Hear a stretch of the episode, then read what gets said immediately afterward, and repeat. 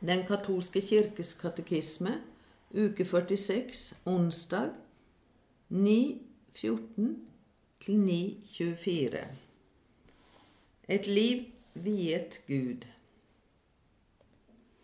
Den stand som oppstår ved at noen avlegger løfter om å leve etter de evangeliske råd, har betydning for Kirkens liv og hellighet, selv om den ikke inngår i dens hierarkiske struktur. Evangeliske råd og vigslet liv. De evangeliske råd blir i sitt mangfold holdt frem for hver Kristi disippel. Den fullkomne kjærlighet alle troende er kalt til, medfører for dem som frivillig går inn i kallet til et liv viet Gud, å leve i kyskhet, i ugift stand for Guds rikets skyld, i fattigdom og i lydighet. Det er løftet om å leve i pakt med disse rådene etter en varig leveregel anerkjent av Kirken som særpreger et liv viet Gud. Ordenslivet fremtrer med dette som en av måtene å leve i en inderligere vigsel til Gud på. En vigsel som har sine røtter i dåpen, og som vier mennesket helt til Gud. I ordenslivet er det Kristi troendes forsett, drevet av Den hellige ånd, nøyere å følge Kristus og hengi seg selv til Gud, som elskes over alle ting, og ved å strebe etter fullkommen kjærlighet i Guds rikets tjeneste, og vitne og forkynne i Kirken om den kommende verdens herlighet. Et stort tre med mange grener. Som et tre som på underfullt og mangfoldig vis forgrener seg i Herrens åker fra den utsed som kommer fra Herren selv, har forskjellige former for eremitt- eller klosterliv og ulike ordensfamilier utviklet seg både til medlemmenes og til hele kirke, Kristi legemes beste. Fra kirkens første tider har det vært menn og kvinner som ved å praktisere de evangeliske råd ville skaffe seg større frihet til å gå i Kristi fotspor og på mer intens måte efterleve hans liv. De har, enhver på sin vis, ført et gudviet liv. Drevet av Helligånden levde mange av dem som eneboere, mens andre grunnet ordensfamilier som Kirken støttet og godkjente med sin autoritet.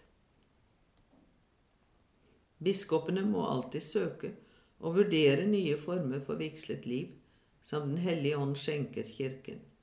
Godkjennelse av nye former for vigslet liv er forbeholdt den apostoliske stol. Eremittliv Eremittene, uten bestandig å avlegge offentlige løfter om å leve etter de evangeliske råd, hengir sitt liv til lovprisning av Gud og verdens frelse med enda fastere tilbaketrukkenhet fra verden, i stille ensomhet, i uavlatelig bønn og bot.